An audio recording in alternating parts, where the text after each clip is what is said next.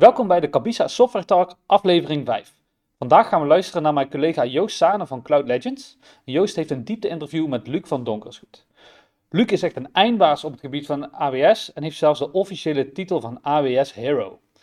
Luc werkt in PostNL in het integratieteam en samen met Joost gaat hij het hebben over onderwerpen zoals Event-Driven Architecture, Serverless en nog veel meer.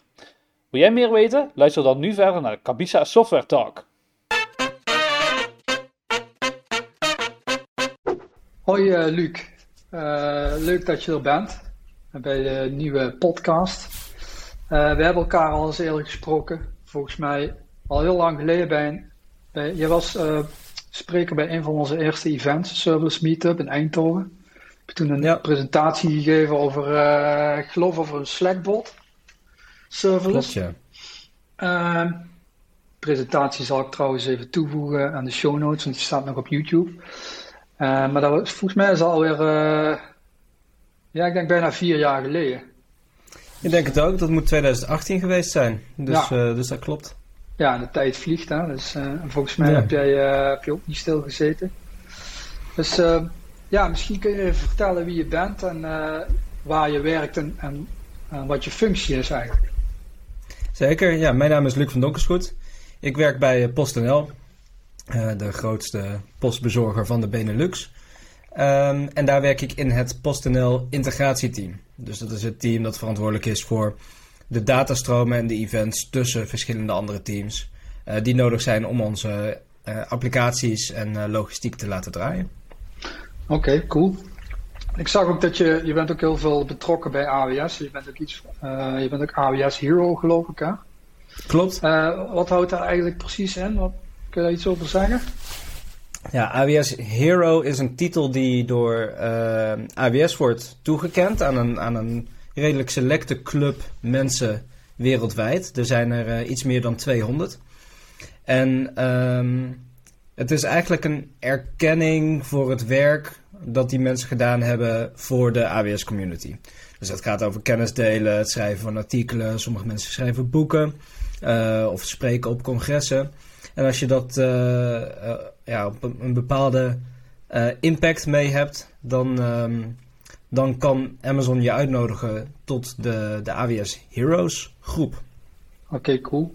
Dus je bent ook al een paar keer, denk ik, bij Reinvent geweest, neem ik aan, in Las Vegas. Zeker, ja. De coronacrisis zat er natuurlijk in het middenin. Ja. je had het er straks al over toen wij elkaar voor het eerst ontmoetten in 2018. Toen was ik nog niet zo heel lang in AWS bezig. Toen in 2018 geloof ik ben ik bij Reinvent geweest. Uh, 2019, 20 en 21, uh, 19, 19 en 20 niet. En toen afgelopen jaar weer wel. Dus uh, okay. nu twee keer geweest, ja. En uh, want ik hoorde ook iets van, uh, ik zag ergens een keer een of andere vraag of zo van waar moet de volgende re-event zijn? Zou ik ook Amsterdam zijn? Is, daar sprake over of, of is dat een soort grapje of zo? Zou wel leuk zijn. Nou, de, vanuit, vanuit de community wordt er al wel langer geroepen uh, om Reinvent. En Reinvent is ontzettend groot geworden. Toen, het is nu, afgelopen jaar was het tienjarig jubileum. En het begon volgens mij met een paar duizend man. En toen was het al snel 10.000 man en toen 20.000 man. En volgens mij in 2019, voor, voor de coronacrisis, waren het er 65.000 of iets dergelijks. Echt, het gaat om belachelijke hoeveelheden mensen. En daardoor is het event zo groot dat je de helft van de dag alleen maar aan het lopen bent. Van de, van de ene locatie naar de andere. En het is natuurlijk nogal een reis naar, naar Amerika. Um, dus er gaan willen stemmen op om het efficiënter te maken en meer lokale reinvents te maken. Maar dat is misschien efficiënter voor de bezoeker, maar natuurlijk niet efficiënter voor Amazon. Dus um, ik weet helemaal niet of ze, dat ze daarmee bezig zijn. En we hebben natuurlijk wel de summits, die ook een ja. soort kleine uh, reinvents zijn. Ja. ja, want meer dan 60.000 is volgens mij al uh, bijna groter als het WWDC uh, Apple event. Hè? Dat zijn er echt heel Ja, ja ik weet niet precies hoe groot die is. Maar als je kijkt naar de, bijvoorbeeld, Reinvent is niet het grootste event in Vegas. Je hebt bijvoorbeeld ook um, de Consumer Electronics, de CES. Oh ja. En daar komen volgens mij 200.000 mensen op ja. Dus die is nog wel wat, uh, wat cool. groter. Nou, mooi. Um, Ja, ik zag op LinkedIn dat je ook uh, trainingsvideo's hebt gemaakt. Kun je daar iets over vertellen? Waar gaan die video's over? Ja, zeker. Dat is in mijn tijd bij Sentia, mijn vorige werkgever. Daar um, uh, deed ik ook interne trainingen. En um, AWS-trainingen. Dus ik, ik, ik hielp mijn collega's en partners en klanten om beter te worden op AWS en ook het, om hun certificaten te halen. Dus uh, bij uh, AWS heb je drie associate level certificaten en daarboven twee professional uh, certificaten en dan nog een aantal specialties. En er was een vraag vanuit, vanuit de organisatie of dat, er, of dat we een aantal collega's op professional niveau konden krijgen. Dus toen ben ik begonnen daar een cursus voor te, te ontwikkelen. bedenken welke onderwerpen daarin moeten zitten en het lesmateriaal daarvoor voor te bereiden. En de intentie was echt om die cursus in-house te geven. Dus gewoon mm gesloten ruimtes, onze collega's, misschien een paar mensen die uitgenodigd werden. Maar we begonnen die cursus zo rond maart 2020. En wederom, uh, ja, coronacrisis. Um, dus opeens konden we niet, dat ding niet meer fysiek doen. Dus toen hebben we besloten het online te doen. Dat was voor ons ook helemaal nieuw. Maar toen dacht ik, ja, als we dan toch online doen, hoe groot is dan de moeite om het op te nemen? En een beetje te editen en online te zetten. Nou, daar had ik me flink op verkeken, want dat is heel moeilijk. dat is tenminste ja. niet zozeer moeilijk, maar vooral heel veel werk. Ja. Want ja, als je online een sessie geeft, dat is prima. Maar als je dat ook nog op YouTube wil zetten, ja, dan komt er toch nog wel een hoop eh, knip- en plakwerk bij kijken. Ja, en het moet natuurlijk 100% kloppen. Kijk, ja, als je het zo vertelt uh, en je zegt uh, bij benadering, dat is iedereen weer vergeten, maar dit is natuurlijk terug te spoelen. En, precies. Ja, dat maakt het natuurlijk dus ja, dat zijn we wel gaan doen. Die zijn we gaan opnemen en, en bewerken. En die hebben we op YouTube gezet. Gratis beschikbaar voor iedereen. En toevallig een maandje terug of iets dergelijks keek ik weer eens naar, naar hoe het erbij stond. En toen bleek het opeens 15.000 views te hebben. Dus oh, mensen hebben dat toch wel weten, weten te vinden en weten te waarderen. Dus daar ben ik wel blij mee. Cool. Ja, wij zijn bij Cloud Legends ook bezig met certificeringen volop natuurlijk altijd. Dus is ook sowieso wel interessant. Ik zal ze ook wel even toevoegen aan de show notes, uh, die YouTube-video's. Uh, dat is wel leuk voor mensen die kijken of luisteren. Zeker. Uh, en even, even over uh, waar je nu werkt. Je zei PostNL. Hè? Ik zag op YouTube dat je ook een talk had gegeven over een uh, event-driven architecture binnen AWS. Kun je daar iets over vertellen, hoe dat uitziet? Ja, zeker. Dus um, ik werk in het integratieteam, dus, dus wij, ja, wij verzorgen die events, dat die op de juiste manier stromen tussen verschillende applicaties. Um, en er is een behoefte om, um, om die event-driven architectuur veel meer self-service te maken. Om eigenlijk veel meer een DevOps approach op die events te hebben. Dus in het verleden dan had je bijvoorbeeld een centrale message bus of een, uh, een enterprise service bus. En als je daar dan een bericht op wilde zetten, dan was dat, dan moest daar een ticket voor ingeschoten worden en iemand moest daar een endpoint voor gaan aanmaken en dan moest misschien wat filtering of um, een transformatie op toegepast worden. Um, en daardoor zat je altijd op dat centrale team te wachten. En dat is natuurlijk, dat gaat een beetje in tegen de DevOps gedachte. En wij willen sneller ontwikkelen en, en meer zelfstandigheid binnen die teams. Dus mijn opdracht eigenlijk binnen PostNL is om een uh, self-service event broker te maken waar mensen via een self-service portaal kunnen aangeven dit zijn de events die ik wil publiceren. Maar ook via dat self-service portaal kunnen ontdekken welke events worden er al gepubliceerd en waar kan ik dan op subscriben. En op het moment dat ze dan zo'n subscription starten, dan geven ze in feite aan uh, dit zijn de events die ik wil ontvangen en die wil ik wellicht nog op een bepaalde manier gefilterd hebben. En dit is waar ik ze wil ontvangen. En dan, uh, nou, dat is een kwestie van dat, dat invullen op een website. En dan beginnen die events te streamen. Zodat je die, uh, die kan gaan verwerken. Dus dat is op dit moment mijn, ja, de, de klus waar ik mee bezig ben. En ik weet zelf, die event-driven architectures, dat die niet heel erg eenvoudig zijn. Maar ook, volgens mij is alles ook een beetje serverless opgezet. Hè? hoe, hebben, hoe hebben jullie die teams eigenlijk opgeleid om dat te kunnen? of, of was er al kennis of, of het lijkt me heel lastig, misschien als je kijkt naar traditionele softwareontwikkeling, om developers te vinden die, die dergelijke architecturen kunnen bouwen. Hebben jullie daar aangepakt? Nou, dat probleem leeft misschien iets minder bij PostNL, omdat die toch al wel jaren bezig zijn met met het ontwikkelen van moderne applicaties, maar ook omdat in een enterprise landschap één team nooit verantwoordelijk kan zijn voor alle functionaliteit die je nodig hebt voor nou, een bepaalde feature. Dat is altijd over meerdere teams uh, belegd. Dus eigenlijk historisch gezien uh, is er altijd al een behoefte geweest tot die ontkoppeling. En zijn die teams al redelijk gewend om die ontkoppeling uh, te doen en te communiceren door middel van events. Het grote verschil, denk ik, is dat ze vanuit het verleden meer gewend zijn dat uh, bijvoorbeeld transformaties voor hen geregeld werden. Dus uh, ze zeiden, nou hier is een event en dit ziet er op dit moment zo uit. Maar aan de ontvangende kant moet hij er zo uitzien. En dat kan misschien wel een XML naar JSON conversie zijn. Of bepaalde velden moeten toegevoegd of wat dan ook worden. En dat maakte het heel erg traag. En de transitie waarin we nu zitten, is dat die teams uh, een event moeten aanleveren op een structuur die voor eigenlijk iedereen bruikbaar moet zijn. Dus een goed gestructureerd event. Uh, daar hebben ze een eigen verantwoordelijkheid voor. En uh, de ontvangende partij die moet dat event ja, verwerken zoals het verstuurd is. En als ze dan nog transformaties willen doen, dan zullen ze die zelf moeten doen. En dat is wel een cultuurverandering, uh, maar die past ook wel in de DevOps mindset van, van in, ja, zelfstandig je, je functies kunnen bouwen van begin tot eind. Oké, interessant. Uh, wat ik me ook nog afvroeg toen ik naar die YouTube-video keek, is hoe ziet eigenlijk zo'n omgeving, zo'n development-omgeving eruit? Hoe bouw je zoiets vanuit je eigen MacBook of zo? Kun je daar iets over zeggen? Welke tools je gebruikt? Ja, zeker. Ja, nou, um, wij hebben bij PostNL een volledig serverless mandaat. Dus uh, alle applicaties die wij in-house ontwikkelen, uh, die zijn serverless. Dat betekent dat we geen EC2 gebruiken, dat we geen RDS gebruiken.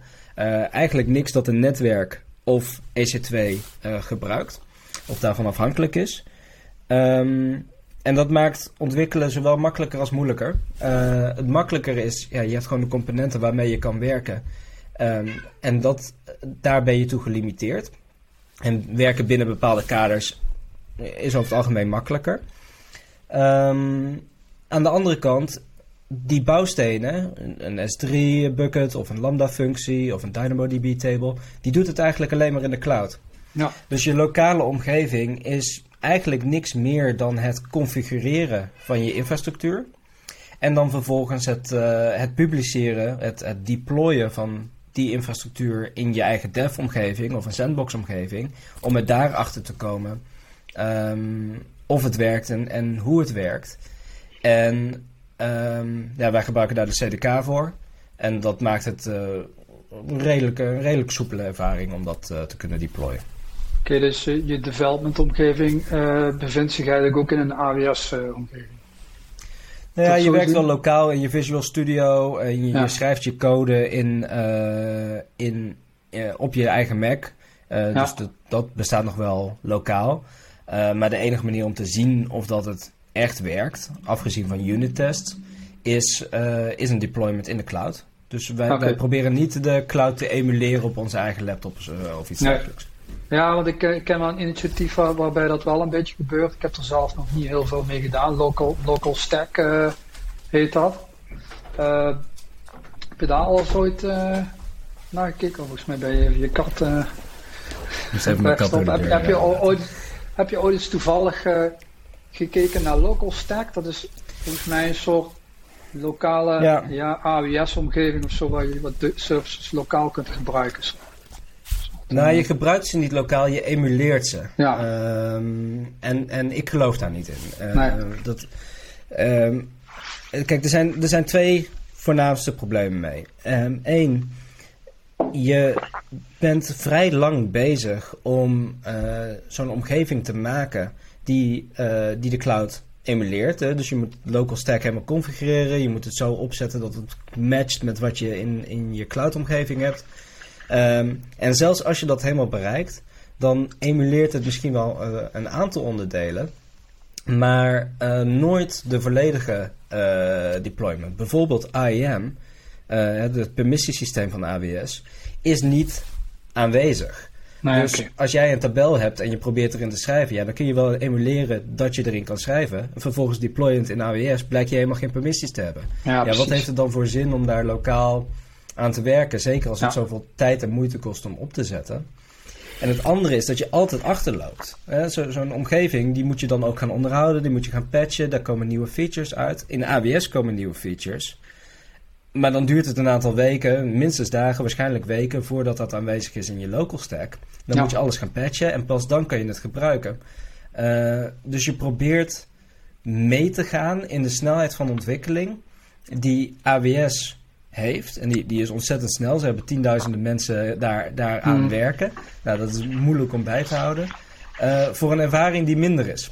Ja, Dus eigenlijk altijd als het over local development van serverless omgevingen gaat, dan, dan zeg ik ja, dat moet je gewoon niet doen.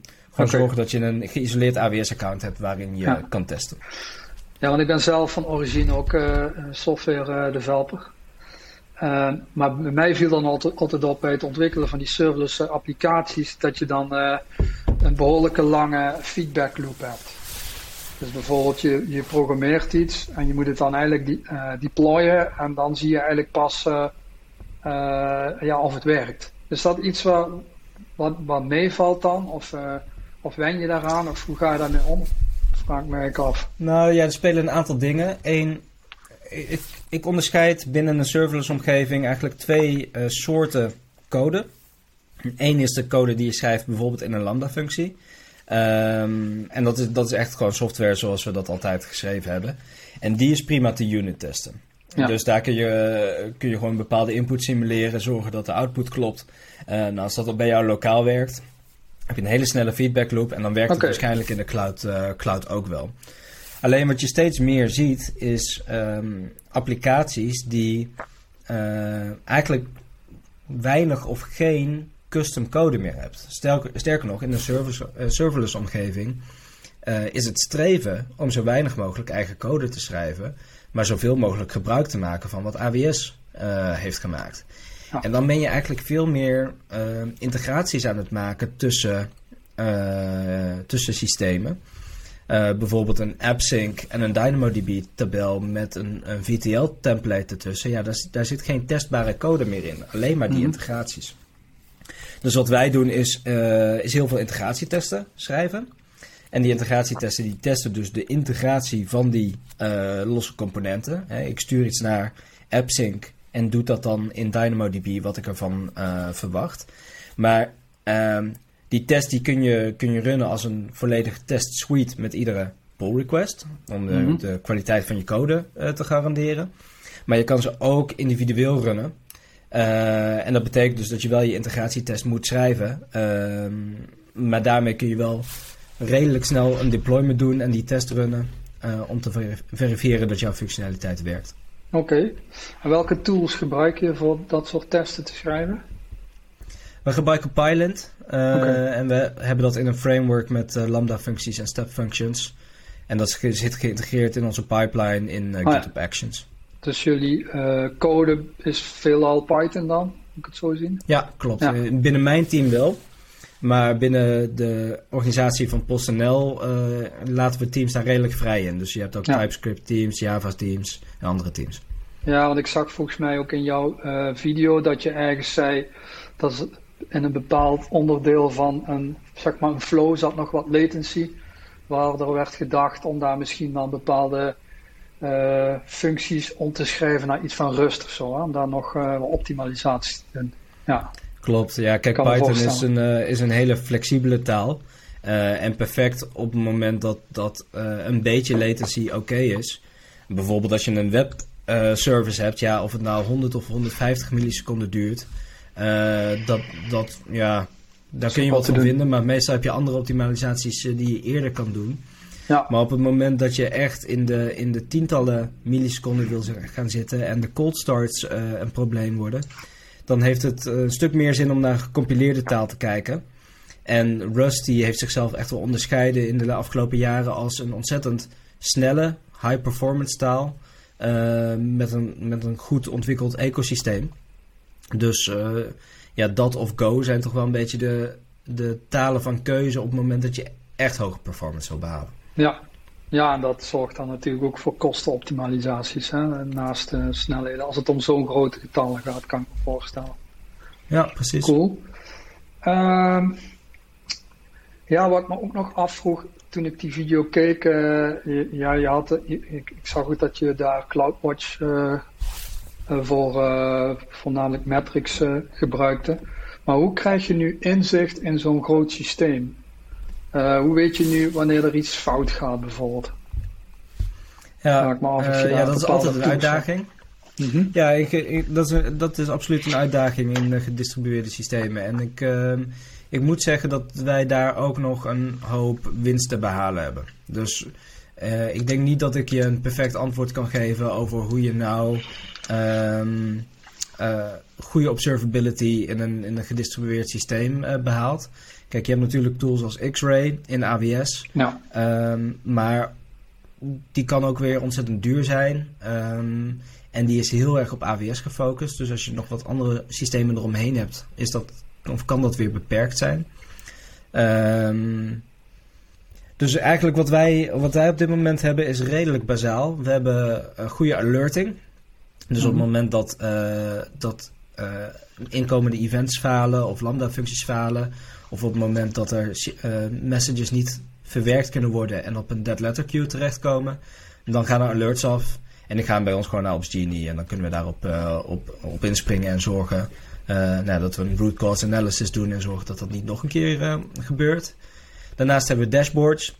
Mm -hmm. meer voor operationele monitoring, om gewoon te zien hoe, wat erin gaat, wat eruit gaat. Maar ook om een stukje debugging te doen. Als, als er opeens een incident is, dat je in de metrics kan zien. In één keer in één oogopslag op zo'n dashboard. Van wat is de correlatie van problemen.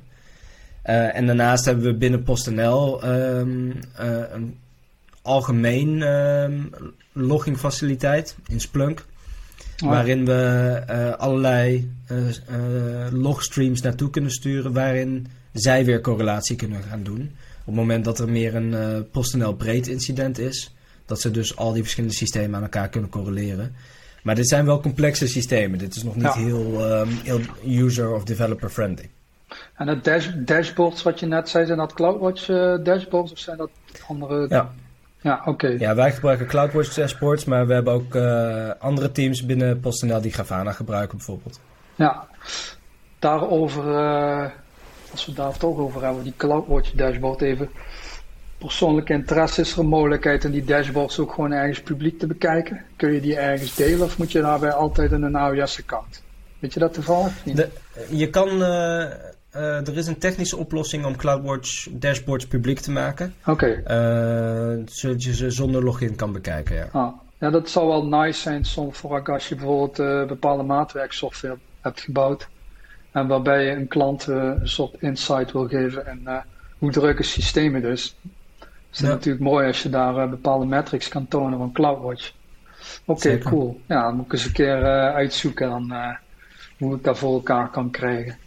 Um, nog één vraagje over CloudWatch logs. Ik, ik, weet niet of je dat heel makkelijk kort uit kan leggen, maar je had het ook een keer over uh, EMF, CloudWatch logs EMF. Waarbij ja. je ook uh, behoorlijke besparingen kunt doen. Hè? Uh, de ingest of de, de requests kan beperken naar CloudWatch toe. Kun je daar eens ja, klopt. kort iets over uitleggen?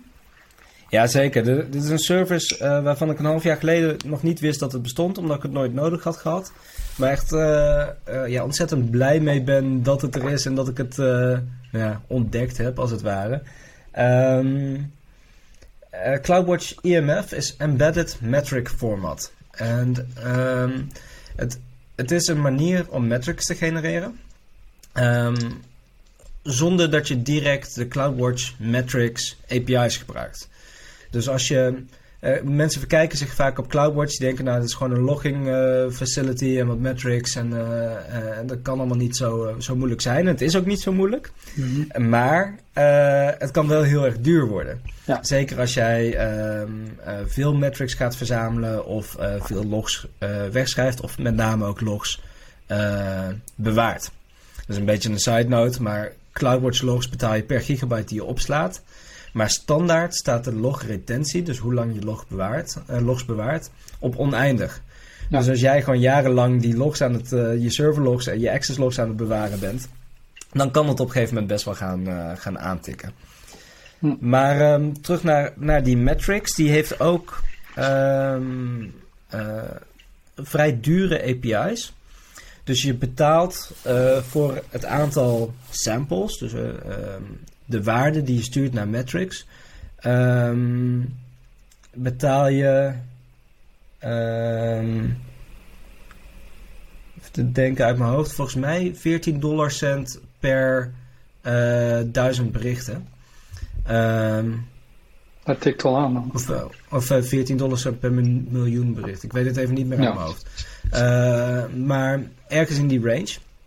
Um, dus als jij miljarden metric points gaat verzamelen, bijvoorbeeld als je uh, um, uh, duizenden soorten metrics hebt, maar je wil een, een van ieder um, event dat binnenkomt, wil je die metrics verzamelen. Ja, dan krijg je een vermenigvuldiging en dat, en dat gaat al heel snel uh, heel hard toenemen.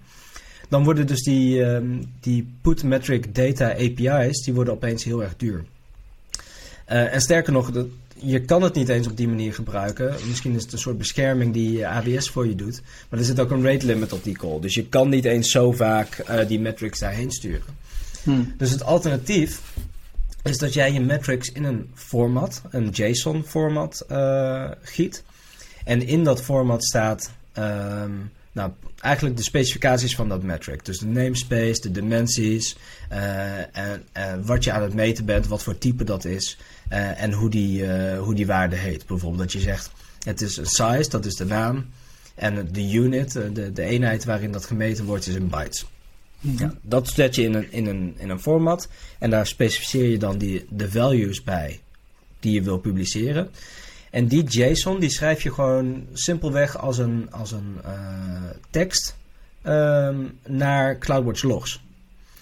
En op het moment dat het bij CloudWatch logs binnenkomt, dan detecteert uh, CloudWatch dat het in het formaat van EMF, dus Embedded Metric Format is.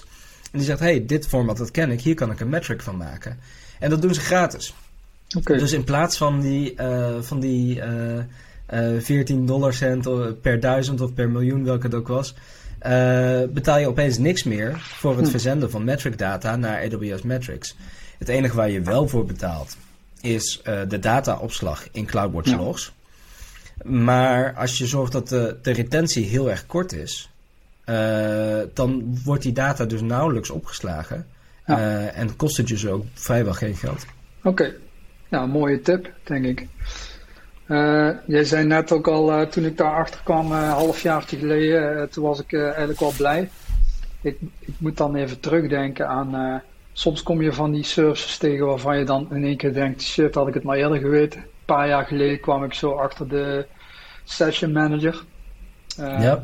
Maar dan vooral het stukje uh, waarmee je zeg maar uh, de, de agent kan installeren op een instance en op die manier kan inloggen op de server zonder dat je gekke SSH poort op ja. hoeft te zetten. was ook zo'n Eureka moment. Vanaf dat moment viel bij mij het kwartje Eigenlijk heb je helemaal geen internet-facing servers meer nodig. Je kunt ze allemaal in een private subnet gooien.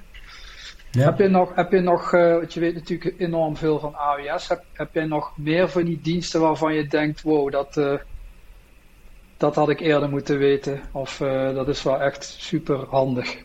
Kun je er zo eentje bedenken? Nou, eentje die ik iedereen kan aanraden, maar waarvan ik denk dat, dat er nog wel een hoop mensen zijn die er wat van kunnen leren is um, Athena. En um, Athena is een, is een service, waar, eh, in feite is het een managed Presto service. Dus uh, uh, Apache Presto is, is gewoon een open source library ja, door de, van de Apache Foundation. En Amazon heeft dat in een managed service gegoten en dan heet het Amazon Athena. Um, en wat dat doet is, het kan over gestructureerde files op een filesysteem kan het uh, queries uitvoeren in de vorm van SQL. Ja. Dus als jij al je bestanden uh, in JSON-formaat of in uh, Parquet of in ORG-formaat in, in S3 opslaat, dan kun je live over die files heen queryen. En kun jij dus bijvoorbeeld inactieve data of archiefdata of access logs of wat dan ook, kun je, kun je gewoon queries op uitvoeren. Uh, dus kun je zeggen, geef me alle access logs waar dit IP-adres in voorkomt. Of alle access logs waarbij een bepaalde statuscode is. Zonder dat je daar een hele database voor op hoeft te tuigen. Um, en veel goedkoper, omdat je alleen maar voor S3 hoeft te betalen en een stukje voor Athena. Uh, maar dat is een, een, vrij betaalbare service als je het niet in extreem grote volumes doet. Ja, ja klopt. Ik, uh, ik heb mezelf ook wel eens ooit gebruikt door bijvoorbeeld uh, door grote S3 buckets heen te gaan als het gaat om Cloud Trail logs volgens mij ook een parquet formaat, als ik me niet vergis. Of iets dergelijks. In ieder geval waar Athena mee om kan gaan. En dan kun je vrij snel jaren terug zoeken in bepaalde events. Nou, dat, uh, dat is inderdaad wel een service die, die, uh, die misschien veel, op veel cloud engineers nog niet echt goed kennen. Dus het is wel mooi dat je die nee. doet. Okay. Nee, inderdaad, we hadden hetzelfde met, met CloudTrail op een gegeven moment. Dat, um, uh, we, we, hadden altijd al CloudTrail aanstaan voor al onze uh, accounts, dus dat werd gewoon centraal gelogd. En toen op een gegeven moment bleek dat er een bepaalde service ingeschakeld was die een hoop geld kostte. Ja. En we vroegen ons af wie heeft dat ooit aangezet. En toen was het uh, ja, een half uurtje query schrijven en zoeken in, in Athena. En toen bleek in 2015 dat een medewerker die al lang niet meer in dienst was, dat gewoon handmatig een keer in de console had aangepast. Ja. En dat dus al die tijd geld had gekost.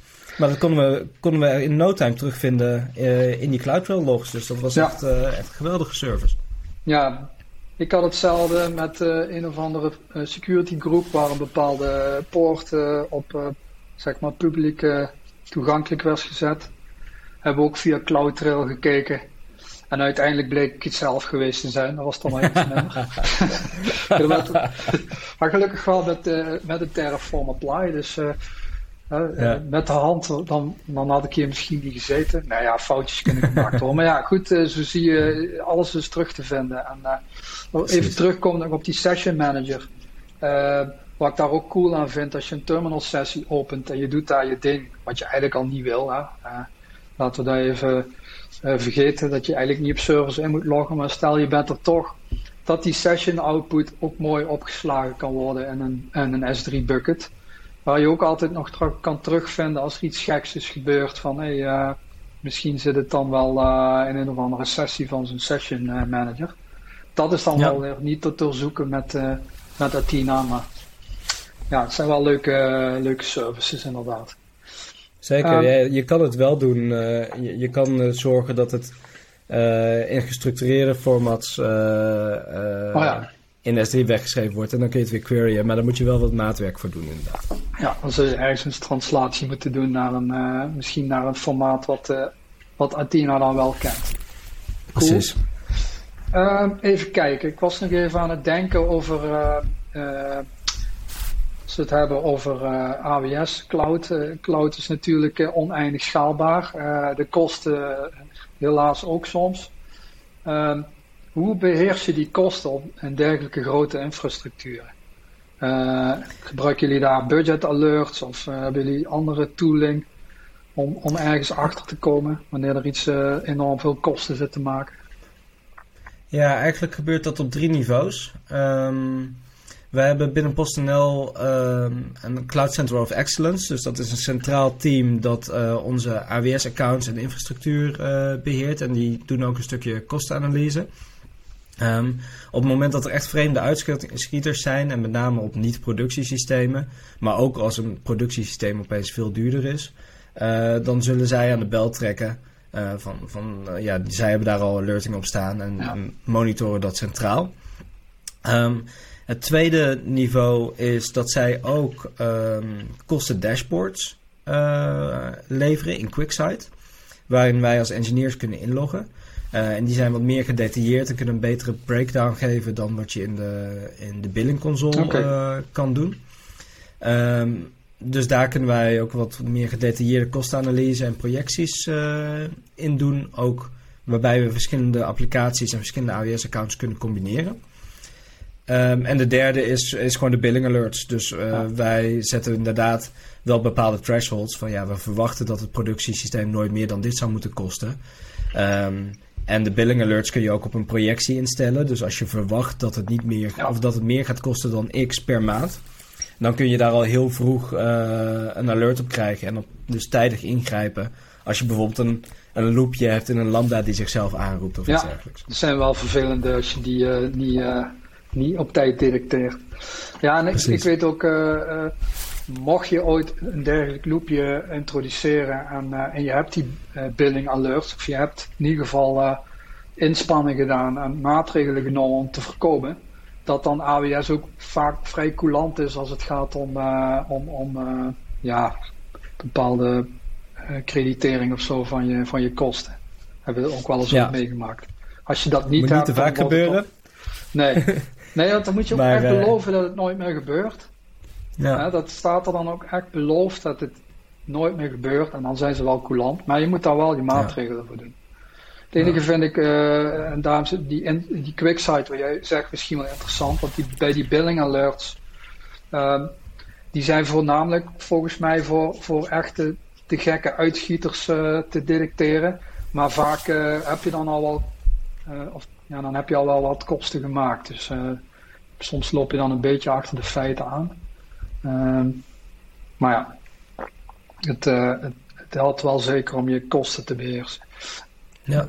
Over die, over die kosten, eh, ehm, als het gaat om, om, om voorspellingen doen van, van bepaalde onderdelen van de infrastructuur, voorspellingen en kosten, gebruiken jullie daar dan ook gewoon de traditionele AWS calculators voor? Of dat vind ik bij serverless omgevingen soms wel lastig om te voorspellen hoeveel iets gaat kosten. Nou, ik heb die analyse wel moeten doen voor onze event broker. Eh, en dat komt in feite gewoon neer op een eh, ontzettend groot Excel-sheet. Ja, Dus oké. eh, eerst maak je je architectuur. Nou, in ons geval is de architectuur bijvoorbeeld Web Application Firewall, dan eh, API Gateway, dan een Lambda-functie, dan Event Bridge, dan nog een Lambda-functie, dan SQS eh, en dan nog iets. Ehm, en ehm, vervolgens doe je een analyse van hoe groot zijn events, hè, hoeveel kilobyte, want, want eh, uiteindelijk vermenigvuldigt dat natuurlijk naar gigabytes. Dus die, eh, die, die moet je weten. Nou, kwamen op een analyse van een gemiddeld event is 4 kilobyte. Neem je wat marge, zeg je nou is 6 kilobyte. En dan gooi je dat in een enorme formule van eh, eh, eh, het aantal invocations kost dit, aantal gigabytes kost dat, deze retention kost dat, aantal invocations, aantal messages op SQS kost dit.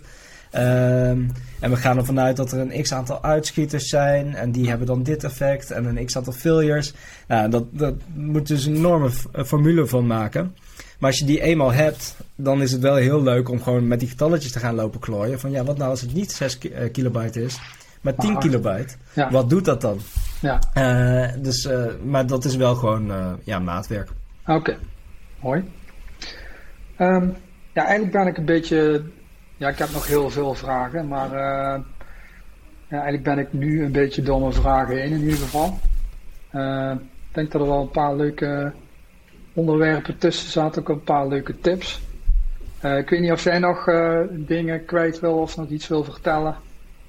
Of Ehm, iets wil delen. nou, wij eh, ehm, binnen PostNL eh zijn we echt flink aan de weg aan het timmeren eh, aan deze eh, applicatieontwikkeling. We zijn echt als, als bedrijf een, eh, een tech company aan het worden. Hè? Zo- Zoals een, een Coolblue of een, een Bol.com of een Booking.com. Dat, zijn echt, dat zijn techbedrijven die een service leveren. In plaats van servicebedrijven die een bepaalde technologie gebruiken. Nou, die, we zitten midden in een transitie daar naartoe. En dat hoor je ook echt wel in, in de services en de technieken die wij gebruiken. En de structuren die we daarvoor hebben. Ehm, we zijn, eh, we zitten ook midden in die groei. Dus eh, mocht, eh, mocht je interesse hebben of mocht je deze podcast horen en denken, nou daar zou ik wel aan mee willen werken. eh, zorg dan sowieso dat je even mij een berichtje stuurt. Ik ben op Twitter te vinden. Dat zal gewoon in de show notes te komen te staan. Ehm, en we hadden het hier van tevoren even over, ehm, over hoe je als eh, bedrijf ook zorgt voor je, voor je ontwikkeling hè, van je kennis. Eh, en hoe je, nou, het gaat om allemaal high-tech, cutting-edge technologieën. eh, waar, ja, die moet je leren. Die, die kan niet zomaar iedereen ehm, bouwen en ontwikkelen. Dus we doen ook heel veel aan in-house development. En hebben daar een heel interessante partnership met, met AWS. Waarin zij ook een hoop workshops en um, lunch and learns en, en, en sessies, zelfs hele dagen aan trainingen voor ons voorzien. Om te zorgen dat wij ons skillniveau um, ophogen. Dus dat is ook wel interessant voor, denk ik, voor, voor, de markt in het algemeen om te horen dat um, als je samenwerkt met AWS, dan hoef je niet alleen maar een klant te zijn. Hè? Je hoeft niet alleen maar die services te gebruiken en dan de rekening aan het eind van de maand te betalen en dat is het dan. Je kan ook echt die samenwerking opzoeken waarin zij zorgen dat jij beter wordt in AWS, wat het natuurlijk, hen uiteindelijk ook weer uh, profijt oplevert. Oké, mooi. Uh, nou, Luc in ieder geval uh, bedankt voor je tijd. Ik vond het heel interessant. Uh, ik zou zeggen, moeten we nog een keer doen. Want volgens mij kunnen ja, we, als het om AWS en cloud gaat, nog wel even doorgaan. Ja, voor iedereen die heeft geluisterd, in ieder geval bedankt. En tot de volgende keer bij, bij de Kabisa slash Cloud Legends podcast.